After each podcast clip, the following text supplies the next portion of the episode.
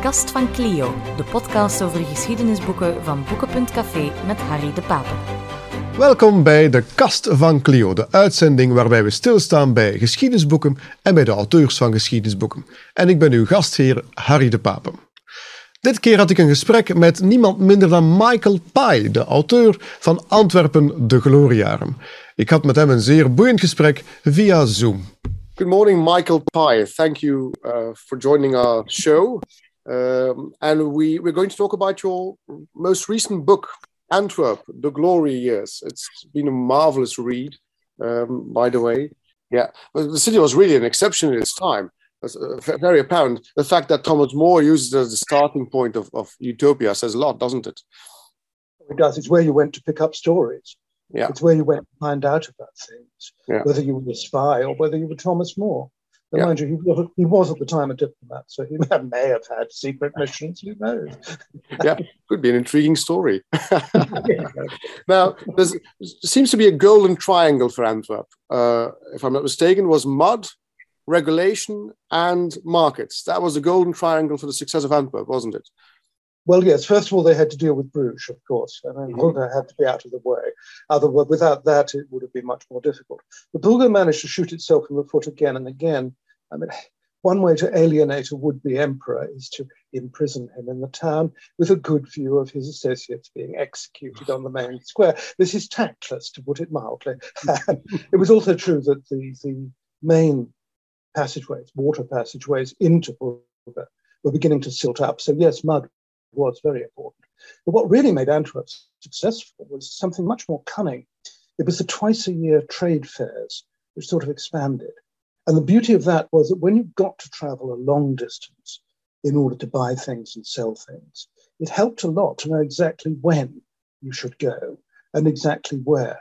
And that with Antwerp and also Bergen um, those markets really made a huge difference. And after a while, Brugge starts complaining that there's no business going on while the fairs are on in Antwerp. And they then realize that, um, well, all the money people from Brugge seem to have gone to Antwerp to set up their offices there. And the transition begins. And and the regulations, uh, Brugge, Brugge was overregulated. That was a problem for Brugge, wasn't it? Well, yes, but it also had it had this classic problem with what people people always talk about Antwerp and Flanders, but in fact, what really matters is that Flanders was in Brabant. hmm within a different kind of, of, of atmosphere of regulation and so forth. And what's more, Antwerp didn't have to protect its own producers. The Mhm. goods that were sold in Antwerp were goods that were going through. They came from somewhere else, they went to somewhere else. Yeah. And that made an enormous amount of difference. It was a place of transit. The only thing that stayed in Antwerp was the deals and the profit. Yeah. And despite the fact not having a court, not having a bishop, or and all that, it still became a success.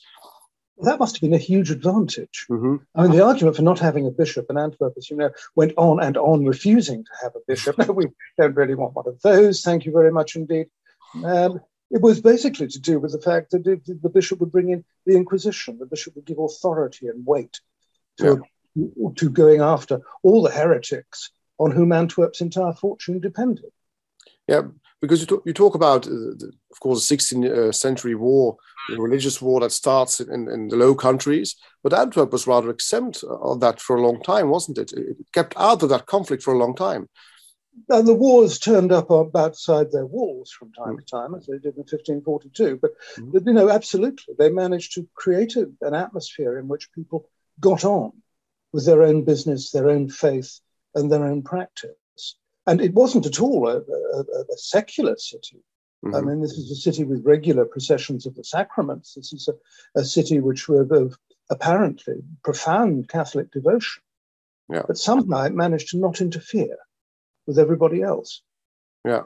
Now, your book starts around the year 1500 when the first Portuguese ships arrive in the city, and it ends approximately around the 1566, the icono- iconocla- iconoclastic storm, the Beeldenstorm in Dutch, or, or, or maybe 1585, the, the fall of Antwerp. So it's a very short period of time that Antwerp has this huge success. So it was like a, a, a rocket lift, uh, launching and then declining again in a very rapid uh, period of time. How was this possible? Oh, well, the fact that, that Madrid was otherwise occupied.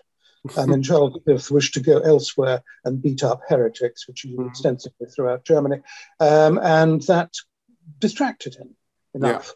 from the business of actually oppressing Antwerp. The other thing was that Antwerp was so useful. Mm-hmm. You can afford to, if you think of it as a free port, which of course it wasn't technically, but uh, if you think of it as free ports are now, you can tolerate what goes on in free ports because they're so useful for everything else. And mm-hmm. Antwerp, I mean, Antwerp was somewhere that Charles V could go to find money when he couldn't find it anywhere else. yeah. Now, at the end, um, at the beginning of the decline of the city, there's a very interesting painting in your book. Uh, it's called The Vleesstal uh, by Peter uh. Uh, it's this painting here where you see a, a meat stall. And it's in fact uh, an, an allegory for the decline of the city, isn't it? I think so, yes. If you look in the top right hand corner, you'll see that, that, that little white mm-hmm. board. Yeah. yeah. It actually talks about one particular land deal. Mm-hmm. And the mm-hmm. particular land deal was one which inevitably Gilbert van Schoonbeke made, uh, but then he made most of the land deals that were going on at the time. No, it's, it's really a, a, an emblem of Antwerp. If you look at the picture fairly closely, there are lots of things that only make sense in that assumption. Mm-hmm. The little references to the coats of arms of Antwerp, the fact that the Virgin in the panel at the back of the picture is, is riding away, but is also giving bread or money to somebody who's begging. And none of these things have any biblical authority, mm-hmm. but they have a lot to do with the processions about the sorrows of the Virgin Mary that went on in Antwerp regularly. The whole thing is, I think, about the idea of a ramshackle Antwerp, a falling apart Antwerp. And it did lack central authority. Mm-hmm. It could be unbelievably corrupt. I mean, if you wanted to build a new quarter of Antwerp, your first job was to find out precisely how many gold coins and precisely how much jewelry various mayors needed, and to identify the right mayors to give the right jewels to. And mm-hmm. once you've done that, you could get on with re- revising the whole city. Yeah. No, it's a falling apart place. And, it, and Aertsen is interesting because he came from Amsterdam. Mm-hmm.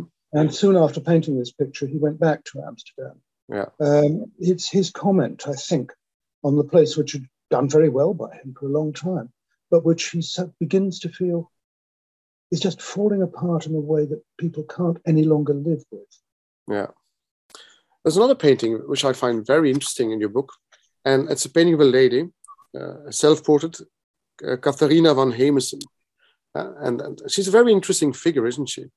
she oh, because, because she's, one she's the, a woman. Yeah. She's one of the heroes of the book. Mm-hmm. I mean, this is supposed to be, and I, am not enough of an art, an art historian to know whether it's really true, the first known self portrait of an artist at work. Mm-hmm. This is amazing because Catalina should not have been an artist. Only men could enter the St. Luke's Guild. But she followed her father into painting, and she painted very successfully. I mean, she went to Mechelen and produced a whole gallery of portraits of women of the age. Mm-hmm. Quite astonishing in a way. Yeah. Um, but her courage, and I think when you look at that picture and you look at the eyes and that face, it's just the I am not taking any nonsense at all. I know what I want to do, and I am going to do it. Yes, and she did. That yeah, yeah, she's giving that look. Uh, by the way, it's it's a topic that that keeps appearing up in your books, like the one on the North Sea. You talk about uh, the, yeah, the powerful women uh, that lived around the, the, these parts. Uh, it seems to be a, a, feature of the Low Countries to have strong women. Uh, oh, absolutely, it's what everybody noticed. Yeah. I mean, they noticed it in all, in all sorts of different ways. You, you, get Venetian visitors who come mm. and who say, you know, you can tell a dirty joke in front of a woman. unthinkable. Um, or, you, or alternatively, you, you, you, get people who notice that women are in business. And they hmm. were. I mean, they were in almost every business. There were women surgeons, there were women in marine insurance, there were women doing all sorts of jobs where they had to actually decide for themselves what they wanted to do, find the capital to do it, and get on with it. And they did successfully. Yeah. And in, in part, I think it's a very simple, in a way, not explanation, but an explanation for what made this possible, which is that people on the whole married later in the hmm. Low Countries. Um, girls in Italian city states were under pressure to marry early and get all those big issues like dowry and so on sorted out.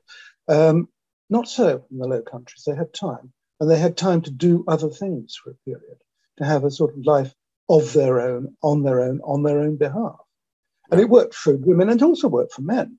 I mean, men were able to go away not, and, and, and to take, learn new techniques. And for example, in the end, one of the things that brought windmills to England mm-hmm. was the fact that men from Flanders had all this time to travel when, and to bring their techniques with them. Yeah. So, I mean, we owe you quite a lot. Uh, yeah, yeah, I know all those weavers and, and all, all that uh, that influx into England. I know. Now, how did you come about creating this book? How did this idea start to write a book on Antwerp?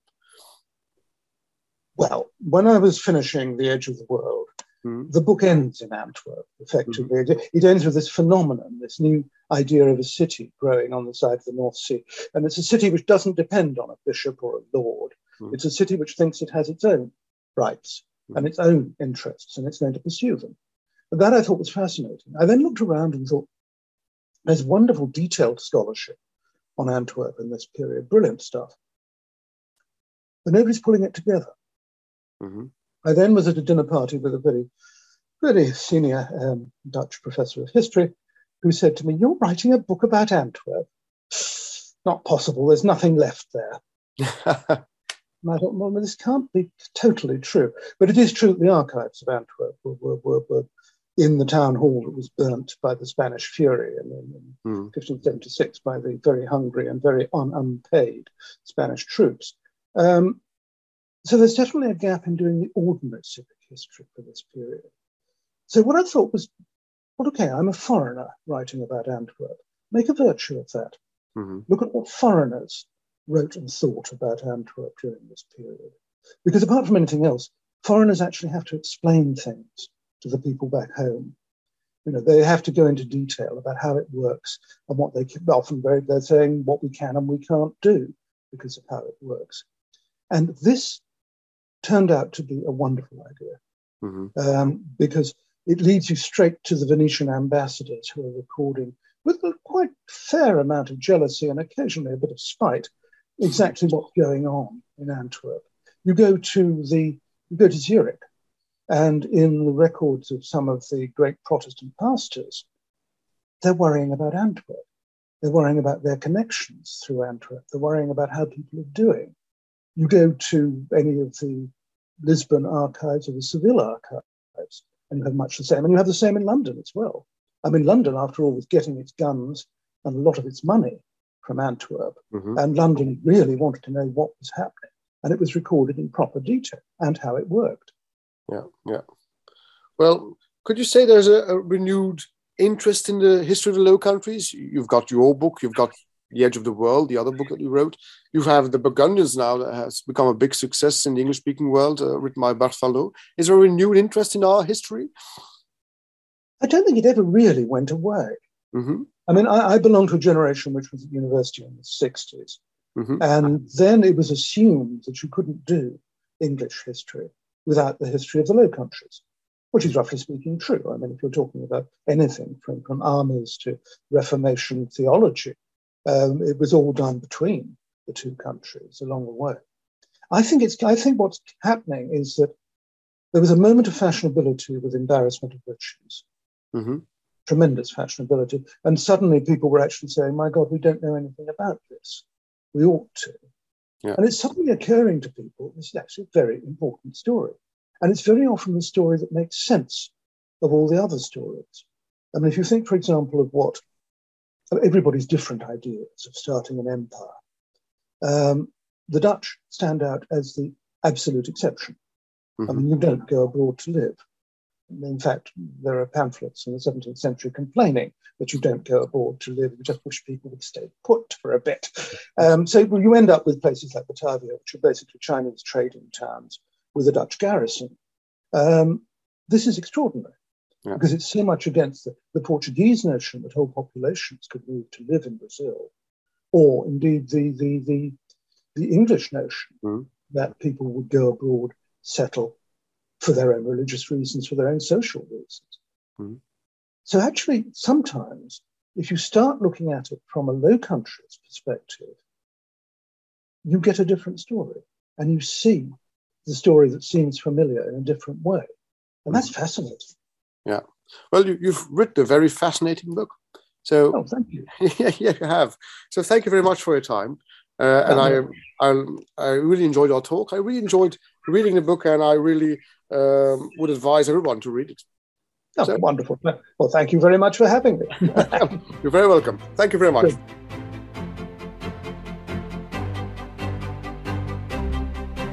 Dit was een aflevering van De Kast van Clio, de podcast over geschiedenisboeken van Boeken.café met Harry de Pape. Volg onze podcasts op boeken.café/radio of via je favoriete podcastkanaal. Alle boeken die ter sprake komen in onze podcasts zijn natuurlijk beschikbaar op boeken.café. Volg daar je favoriete auteurs en boeken en maak rechtstreeks contact met de auteur en met andere lezers. Je krijgt bovendien gratis verzending vanaf 30 euro en een gratis boek voor elke aankoop vanaf 50 euro.